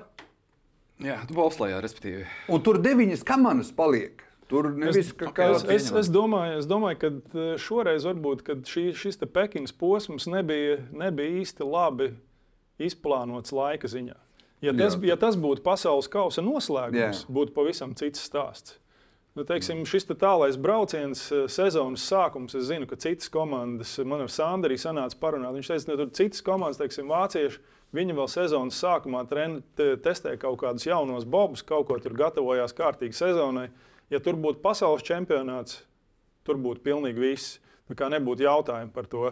Vai, vai arī teiksim, sezonas noslēguma posms. Kā, tas arī ir stāsts par plānošanu, par taimingu, saprast, kā nu, kurā formātā to ielikt. Vēl tev nav Jā. sajūta, ka Jā. tur to, ko saka Dainis Dukurs, ka tur tās kuģu taka jau kaut kur tur. Un skaidrs, ka tad kad, tad, kad viss ir gājis uz augšu un vienā brīdī tā paudze beidzās, un tu saproti, ka aiz tās paudzes nav, kas, kas tagad šo te, uh, visu, vi, vi, vi, visu, visu lāpu turpina nest, tad, tad ir bēdīgi to apzināties. Un skaidrs, ka mums ar kamaniņu sportu arī tas, tas, tas nav bijušas vieglas izšķiršanās. Jo, teiksim, ja, ja lielās, liel, lielā izlase parāda rezultātu, mums parādās kaut kādi līdzekļi, tad tāpat šos lielās izlases līdzekļus, bišķītiņi piegriežot varbūt lielai izlasē, viņi tika tāpatās virzīti arī uz jauniešiem un junioriem, lai, lai, lai tajā galā kaut kas varētu attīstīties. Tas nebija tā, ka mēs paņemam divos sportistos all-in un mm. aizmirstam par pārējiem. Kas bija varbūt šajā, šajā sakarā, varbūt, ja, ja, mēs, ja mēs runājam par skeletonu un, un, un varbūt kaut kādā to, to sadaļu. Jo es domāju, ka tas, tas ir jautājums par izšķiršanos. Un skaidrs, ka skeletonam un bobslēm es arī, es arī neesmu gatavs tur mest ar akmeni. Mm. Jo, jo es saprotu, arī šeit, šeit praktiski divi sporta veidi, kas ir Renes sporta veidi, bet viņi bija tik ietilpināti vienā federācijā. Skaidrs, ka tur katram kaut kādas savas iekšējās intereses ir, un skaidrs, ka, ja tu esi sportists un tur rāda rezultātu, tad tu gribi, lai tā lai tas eh, devums, kas nāk federācijai no tavas puses, nonāk arī tavā vēderā, un tu vari turpināt to savu sportu nest tālāk. Es zinu arī ļoti labi, cik, cik Mārtiņš ar, ar, ar Daini un, un Tomas, cik viņi ir savu, savu naudu guldījuši iekšā, lai šo sporta veidu attīstītu. Skaidrs, ka tas bija tajā brīdī, viņi koncentrējās uz savu rezultātu. Ja būtu tas lielāks atbalsts, varbūt no valsts bijis un, un būtu pavaicājuši, ko, kā mēs varam palīdzēt arī to jauno galu pavilkt līdzi, tad arī būtu cits stāsts šobrīd. Skaidrs, ka mēs, mēs te visi līdz šim esam mēģinājuši izdzīvot. Kas ir varbūt racionālāk skatījies uz to ilgspēju, kas varbūt ir vairāk skatījies tajā brīdī uz, uz savām tām spējām. Nu, tas ir cits jautājums, bet es zinu, ka no katras no šīm situācijām mēs varam mācīties. Mēs zinām, kā nevajag, mēs zinām, kas, kas vismaz puslīdz strādā. Un es zinu, ka arī tas, kas puslīdz strādā, Ceram, to, var, to, var, to, var, to, to var darīt labāk. Matiņ, man viens vienkāršs jautājums vienkārši. Vai lielais sports nav pretrunā ar uh, Falun Gunu praksi? Absolūti nē. Kāpēc? Tāpēc, ka man rāda uh, tas, kā es māku paskatīties, tavs un daži citi piemēri ir ārkārtīgi reti izņēmumi, kad uh, tiecoties pēc augstiem rezultātiem, uh, tie tiek sasniegti saskaņā ar sevi, tie tiek sasniegti saskaņā ar dabu. Es redzu, ka lielo rezultātu. Nē, es redzu, nē, tas ir ārkārtīgi retiem. Tas izdodas. Mm -hmm. Ļoti maz ir piemēri, daudz vairāk ir piemēri, kad pēc uh, lielās sporta karjeras beigām ir salūzušas dzīves, ir sportisti palikuši bez ģimenēm, bez ienākumiem, uh, izdara pašnāvības un tā tālāk. Šādi uh, gadījumi ir daudz vairāk pat mūsu mazajā Latvijā. Tā es redzu. Tavs brīnišķīgais piemērs un iespējams vēl, nu, nezinu, vai daudz tādu ir Latvijā. Lielajā sportā ir ilūzija nedaudz tā, tu domā? Nē, es domāju, ka. Es, es esmu dzirdējis to, un, un arī, arī pats droši vien, ka daļēji ir bijuši brīži, kad es esmu sajūtis šo tādu nu, bezcerības situāciju, kad eh, arī, arī, arī mans kaut kāds vienā brīdī tas sportista gājums, tad, kad, eh, tad, kad pajuka šī padomju savienība, kad sāk mainīties visa sporta sistēma, kad tajā laikā vienīgais veids, kā man turpināt eh, vispār sportot, bija iet uz murjāņiem. Labi, kad murjāņi vēl tajā brīdī palika. Tad tālāk jau viss, kad sāka vienoties tur Olimpiskā vienība, Olimpiskā kustība kaut kāda Un, un šajā olimpiskā vienībā nonākot, tu varēji nonākt tikai jau ar gatavu rezultātu. Līdz ar to viss, kas, eh, lai, lai tiktu līdz turienei, tas viss bija, tās visas bija tavs pūles, tavs investīcijas. Līdz vienā brīdī tu esi sasniedzis noteiktu līmeni, par ko tev sāk maksāt. Un, un savukārt eh, vienu gadu neizdodas kaut kas, tev atkal ir kāja pa pakaļ, tu atkal esi tur, kur tu biji. Tu sāc atkal rakt, rakt zemi un, un, un rakties no tā visa ārā. Skaidrs, ka tas iedeva tādu kārtīgu rūdījumu tajā laikā. Un, un arī sapratni par to, ka tādā formātā arī, arī sportistiem funkcionēt tīri mentāli tas nav iespējams. Jo visas šīs sacensības spriedzi un viss pārējais, un ja tev vēl jādomā, ka tagad es šajās sacensībās nenobraukšu, un man tagad, ja, ja kamēr man nav ģimene un es dzīvoju pie vecākiem, viss ir kārtībā. Jā. Bet, ja tev ir ģimene un tev ir vienkārši stopkrāns, un, un tu esi tas, kurš viņu ir barojis, tad, tad kā ar to sadzīvot? Skaidrs, ka šobrīd viss, viss tiek, tiek darīts, lai kaut kādā formātā arī sakārtot šo nu, so, sociālo pusi uh, sportistiem un, un, un izveidot to sistēmu tādu. Mātis, ka... Bet nav iespējams tik, cik mums, mēs ar uh, Ingūru esam runājuši, es esmu blakus, ka runā. Mūsu lielākie sportisti, īpaši individuālajos sporta veidos, viņiem nav bērnība, viņiem nav jaunība, viņiem nav skolas biedru, viņiem nav draugu. Viņiem ir divi vai trīs treniņi dienā, viņiem ir nometnes un tā tālāk. Atceros tādu laiku, jā. Atceros tādu laiku, un tāpat tās, tās ir tīri cilvēciskas izvēles, ko tu dari ar to visu pārējo laiku, kad tu neesi treniņos, un tu neesi skolā, un, un, un kad, tu, kad tu vienkārši negulsi starp treniņiem, lai atpūstos. Bet, bet skaidrs, ka nav, tie, tas nav vienkāršs stāsts. Tāpēc es arī redzu, ka gan, gan Startautiskā olimpiskā komiteja, gan arī mūsu olimpiskā komiteja arvien vairāk par šiem jautājumiem sāk runāt. Gan par šo duālo karjeru, par, par iespēju studentiem mācīties. Arī, arī, arī šobrīd RTU ir iniciatīva izglītot sportists, ka tu vari sportot un tev ir, tev ir pretīm nākšana, bet tu savukārt arī vari mācīties šīs inženierzinātnes, kas savā ziņā arī tiem tehniskajiem sporta veidiem rada papildu interesi, jo tas, tas, ko tu mācies un ko tu dari, tas ir tas virziens, ar ko tu šobrīd dzīvē nodarbojies. Līdz ar to tā interese apgūt šīs mācības ir, ir krietni augstāka. Tas, man liekas, arī ir tāds, tāds labs motivējošs elements. Un es domāju, ka tie ir, ir vienkārši sportistiem, lai, lai, lai tiktu līdz šai mācīšanai, ir jāatrod pietiekoši garšīgs šis motivējošais elements, lai to darītu. Skaidrs, ka tas ir, tas ir nogurdinoši. Tad, kad tev ir divi treniņi dienā un, un reizēm trīs. Un tev ir slava nauda, Mārtiņ. No slava nauda, kāds tev vēl? Nu, es atkārtošos vēlreiz, tavs ir izņēmums. Mārtiņ, nu, tik daudz, es neesmu ļoti tuvu, bet nu, tik daudz es palasīju. Tā skaitā, ko meistars, jeb skolotājs vai līkungs saka. Tās viņa prakses, ko viņš apguva līdz 40 un pēc 40 gadiem, tās plašākai publikai nebija piemērotas. Tā es izlasīju. Līdz ar to jau viņš izstrādāja citādāk šo mācību. Jā, taisnība. Tas nederēs, tas tavs stāsts bet, nebūs. Bet eh, es domāju, ka tas nav stāsts par to. Eh, ja, ja, es, ja, ja pāris vārdos es, es varētu eh, kā, pastāstīt par Falunu Gunu mācību, domāju, tad, tad stāsts, stāsts ir par, par visuma principiem. Mēsters, mēsters saka, ka viņš ir atklājis plašai sabiedrībai, dzīvojot šeit un tagad, šajā sarežģītajā sabiedrībā, principus, pēc kuriem dzīvojot, Jā. cilvēks var pilnveidoties. Līdz ar to, jebkura situācija, kurā tu dzīvē esi, jebkura tava nodarbošanās, ir tavs pilnveidošanās lauciņš. Tev nav jāiziet mežā, nav jāuzkāp kalnā, nav jānogriež saiknes ar ģimeni vai, vai vēl kaut kādā formātā tu saproti šos principus, un pirmais, kas ir, kas ir pilnveidošanās pamatā, ir cilvēka paša būtības un rakstura pilnveidošana. Ja es, sapro, ja es, ja es saprotu principus, uz ko ir balstīta pasaule, kā, kā veidojās jebkas manā dzīvē, ka es saprotu, ka viss, kas ar mani notiek, no, notiek nevis ar mani, bet priekš manis. Un tāpēc, ka es redzu to, ko es redzu, tāpēc, ka esmu pelnījis to redzēt, tad, tad pavisam cita vērtība ir, ir jebkuram notikumam mūsu dzīvēm arī visi šie smagie, smagie brīži, kad es skatos, kam es esmu gājis cauri, un tagad es pašķetinu atpakaļ, kāpēc arī par to pašu betonu, ko tu vaicāji. Tas bija kaut kāds fundaments tam visam, lai es noliktu, ir tā viena sēta, Jā. pret kuru es negribu atsisties. Un redz, kur varbūt šeit ir, šeit ir tas virziens, tagad atspēroties no šīs sētas, kur es varētu nonākt. Un varbūt, ja es tagad esmu pa vidu, tad, lai es atrastu šo savu vidusceļu dzīvē un dzīvoju šajā sabiedrībā, šeit un tagad, un vienkārši kļūstot labāks cilvēks pirmām kārtām priekš sevis, un ja es kļūšu pats labāks, tad es kļūšu arī labāks priekš šīs sabiedrības. Un līdz ar to, ja, ja mēs katrs uz to tā skatītos, ja mēs vairāk domātu par citiem, vairāk domātu par cilvēkiem, kas mums ir apkārt, es domāju, šī sabiedrība būtu, būtu pilnīgi citādāka. Skaidrs, ka līdz, līdz tam ir kaut kādā brīdī jānonāk. Un, un tas, tas, tas veids, kā es līdz tam nonācu, arī nebija tas, nu, tagad, tagad man viss ir labi. Un, un es tagad iešu kaut ko padarīšu, varbūt man kļūs vēl labāk. Tajā brīdī man bija nu, tiešām tā, ka bija ļoti slikti.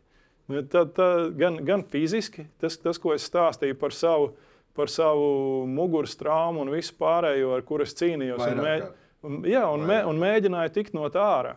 Un es saprotu, ka uh, mans prāts, mana dvēsele un tas, kā es skatos uz pasauli, ka šis ķermenis ir vienkārši kā katalizators.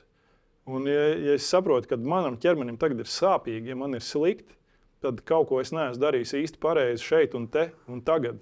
Vai tas ir bijis kaut kādās attiecībās, vai tas ir bijis pat mana kaut kāda domāšanas forma, kas man ir novedusi līdz tam, ka man tagad sāp. Tas ir, tas ir fantastisks rīks, caur ko mēs varam saprast, vai mēs rīkojamies pareizi vai nē. Arī slimības un viss pārējais, kas ar mums notiek, viņām ir savs iemesls. Mēs esam kaut kur ieskrējušies, mēs esam kā, mēģinājuši to laimi meklēt kaut kur ārā. Un tad atnāk tas gulbītis, saka, tagad apsēdies un lidosim mājās. Mājās tas nozīmē sevi. Matiņa, tur jau daudz, tas mēs esam mazliet jau te runājuši. Tas ir rietumu medicīna, austrumu medicīna. Tas, ko es mēģināju pajautāt, ka, ja es nolieku svaru kausos, tad es saku, ja drīkst, nevis pa kamaniņu braucējiem, kuri iespējams, un es ceru, ka trenējās tādēļ, ka Mātiņam Rubenim divas bronzas medaļas, bet lai vienkāršāk un plašākai auditorijai, es saku, ka tā daļa, kas ļoti daudz trenējās basketbolā, tādēļ, ka īstenība, labestība, pacietība ir mazāka. Nekā tā daļa, kas grib būt par Kristofu Porziņu, es gribu spēlēt NBA. Tikai to es gribēju pateikt. Un tad es gribu, es gribu Kristaps, tās kedas, tā bumba, tas krekls, ka tā motivācija vairāk ir sasniegt augstākus sasniegumus, rezultātus sportā nekā īstenība, labestība, patiesība. Ja, ja, es, ja es skatos uz, uz šo faluņu mācību, tad uh, arī man šis ceļš uh, kā, pie dziļākas izpratnes uh, sākās ar šīm sāpēm. Tā arī tā, tā tāpatās bija vajadzība. Jā. Tas tāpatās bija kaut kāds impulss. Es domāju, kā lai es ar to fundamentāli tieku ga galā. Es, es negribu tā tālāk dzīvot. Un tad man bija izvēle, nu, kā, ko darīt. Un tad tu sāc meklēt, tu sāc meklēt, tu sāc meklēt ceļu ārā no tā. Un arī manā izpratnē sākumā šis faluņu guns bija nu, ah, nu, interesanti, tādi enerģētiski vingrojumi. Un es aizēju uz pirmo nodarbību un taisu šos vingrojumus un jūtu, ka man mugura brakšķi un kaut kas lec vaļā un notiek kaut kādi procesi, kurus es nesaprotu, kas tie tādi ir un kāpēc viņi tādi ir. Bet tie ir vienkārši enerģētiski mehānismi, kas, kas izlabo manu ķermeni. Un tad uh, vienā brīdī es, es vienkārši vingroju, vingroju, jūtu, ka nu, man tagad viss ir labi. Nu, kā, a, ko tālāk, a, kāpēc? Nu, nav tāda īsta skaidrība. Un tad es pēc kaut kāda nu, tā apzināti, pēc kaut kāda pusgada sāku lēnām krievu valodā bokstarēt cauri meistara Līja grāmatu Džoņa Faluņa, kur viņš ir deviņās, deviņās lekcijās izklāstījis šos principus, kas ir šī praksa. Un tikai tad es sāku aptvert, ka tas ir kaut kas vairāk. Viens ir skaidrs, ka tie ir, tie ir vingrojumi un, un, un ka tas ir, ir iespēja kaut kā šo visumu enerģiju sakārtot savu ķermeni. Bet uh, tas ķermenis ir spējīgs attīstīties tikai nu, paralēli vai kopā ar tavu apziņu. Tā kā līdz vienam brīdim. Es saprotu, ka uh, tu, vari, tu vari iet mentāli meditēt un rakties dziļi, bet tajā pašā laikā tev ir dots šis ķermenis. Tev ir jārūpējas arī par šo ķermeni. Un tikai abi kopā viņi var kā, harmoniski augt. Un, un tas ir tas, ko es sapratu no šīs mācības. Tāpēc viņi man arī bija tik ļoti pieņemami un saprotami, ka tur ir vienkārši principi, kā es varu kļūt par labāku cilvēku šeit un tagad šajā sabiedrībā. Un es redzu, ka kļūstot par labāku cilvēku, nevis tāpēc, ka es kļūšu, tāpēc par to man kaut kas būs, bet es redzu, ka paralēli arī, arī tas, kas notiek ar manu ķermeni, viss, viss iet uz labo pusi. Un tā dzīvošana, un tā dzīvošana šeit kļūst jēgpilnāka pat visu šī sarežģītā brīža dzīvē, viņiem parādās jēga. Tās nav vienkārši nepatikšanas vai kā braukšana ar kamaniņām. Jā, tieši tā. Pat braukšana ar nu, kamaniņām. Nu, patiesībā jau braukšana ar kamaniņām savā ziņā varbūt man, man iemācīja šo te, nu, tādu vairāk tādu iekšējo cīņu ar sevi. Jo tad, kad tu sēdi uz starta, tu jau necīnies, kamanās tu necīnies ar pretinieku laukumā. Tev nav neviens jāpastum malā, nav neviens jāpagrūž vai jāiekož kāda mausī, lai, lai, lai tiktu pie rezultātu. Tas, tas ir stāsts par to, ka tu sēdi šeit, tu tiec galā ar kaut kādu savu stresu, kaut kādām savām bailēm, kaut kādu nepārliecību, vai par to, ka tas ledus ir tik slidens, ka tu nezini, kā tu tiksi līdz lejai. Un ka tās visas lietas, tu vienkārši iemācies visu lieko, kas ir principā meditācijas pamats. Tu visu lieko, kas ir tajā brīdī, tu vienkārši noliec malā. Un tu spēj koncentrēties un būt šeit un tagad. Un tas bija tas, ko man iemācīja Kamans. Tāpēc man arī nu, ārkārtīgi viegli bija saprotami šie meditācijas principi. Būt šeit un tagad, un, un principā, ja es, ja es gribu šo tīru apziņu, tad viņā nevajag laist neko iekšā. Un arī, ja tas nāk, vai tas ir mans, kā to atpazīt un, un kā ar to dzīvot tālāk. Šeit un tagad mēs domājam, kunga, liksim punktu. Esam diezgan, diezgan labi parunājuši. Skaidrs, man liekas, daudzas dimensijas, gan, gan Mārtiņa dzīvē, gan kamaniņu sportā iezīmējuši visus riskus, kas saistās, saistās ar Olimpiskajām spēlēm, kas saistās ar Es neteiktu, ka riski, es teiktu, tie ir izaicinājumi. tie ir izaicinājumi. Siguldas trasē būs izaicinājumi. Mēs redzam, ka vairāk trases, diemžēl, slēdz, nu, nezinu, diemžēl, vai pa laimi kaut kurai valstī, vairāk trases slēdzās nekā varās vaļā jaunas. Un nav arī vairs trases, kurā tu savu uh, bronzu izcīnīji Itālijā. Itālijā laikam vairs nevienas trases īsti nav. Viņa tur vēl ir. Bet, Viņa, uh, viņa, trase viņa, viņa trase, trase kā tāda betona gabals tur vēl ir, bet, uh, bet jā, saldēšanas sistēma laikam nē. Bet runājot par, par to Siguldas trasi kā tādu, man, man šodien, šodien bija tāda interesanta saruna un tāda, nu, tāda īsa mirkļa apskaidrība par to, kā, kā, es, kā es uz to skatos šobrīd. Uh, viens, ir, viens ir tāds savā ziņā ekonomiskais faktors, ja mēs skatāmies kā uz sportu kā tādu. Es saprotu, ka šobrīd pasaule viss skatās uz zaļajām tehnoloģijām, uz to, kā mēs varam atstāt uh, mazāku šo savu nospiedumu. Nu, tad tāda ledus ģenerēšana uh, pusotra kilometra garumā nu, nu, nu nav nekas zaļš. Lielam, ar, ar milzīgu amoniaku mūci pie, pie gaujas senlejas. Un, un skaidrs, ka uh, skatoties uz šo un, un varbūt uz to iecerēto trases abu pārbūvi, ja mēs to paņemtu kā tādu labu piemēru, kā mēs varam optimizēt kaut kādas saldēšanas iekārtas, kā mēs varam optimizēt kaut ko tādā liel, lielā apmērā, kad, eh, kad šīs idejas un, un šo pieeju eh, var tālāk izmantot, eh, izmantot nezinu, tie paši leduskapju ražotāji. Un, un, un viss pārējais. Un, un skaidrs, ka mēs diez vai uzliksim tur mākslīgo ledu, kurš ir mākslīgais ledus kā tāds, kas ir, kas ir pilnīga matērija, bez saldēšanas. Bet, kad iemācīties to, kas mums ir, teiksim, tos elektrības rēķinus, ko mēs šobrīd maksājam par trasi, ja mēs varētu maksāt uz pusi mazāk, to milzīgo ciparu, ja mēs varētu nogriezt uz pusi jau šodien, tad kādi būtu ieņēmumi no šīs trases? Tagad mums, ir, tagad mums ir jāmaksā par viņas uzturēšanu, un mēs paskatāmies, tie būtu atkal ieņēmumi. Ja mēs skatāmies teiksim, tādā pasaules kontekstā, Lielhammer, Laplaņa, divas trases, kuras praktiski nav apritē. Bet viņas ir dzīves, un viņās notiek biznesa. Cilvēki nāk, brauc ar bobiem, vučko, visu pārējo. Un tās, tās trases ir spējīgas sev pilnībā uzturēt. Viņām nav nekādu valsts subsīdiju, nekas. Nu, tā kā, tā kā uz to var paskatīties kā uz biznesa modeli. Un, ja mēs šim biznesa modelim nogriežam pusi no izmaksām, tīri, ko nozīmē šīs trases uzturēšanas, elektrība, nu, tas varbūt ir pavisam labs biznesa modelis. Tas ir, ir iespēja aicināt turistus vairāk un, un, un, un visādi citādi. Un, ja par šo runātu ne tikai Mārtiņš Rubens un ne tikai bufetē, bet ja par to runātu pirms oficiālais cipars 58 miljonu prasīšanas, tas būtu Mārtiņš ļoti skaisti. Nu, arī, arī pēc, man liekas, ir labi parunāt, Nē, jo, protams, jo, jo viss to- ir tikai procesā.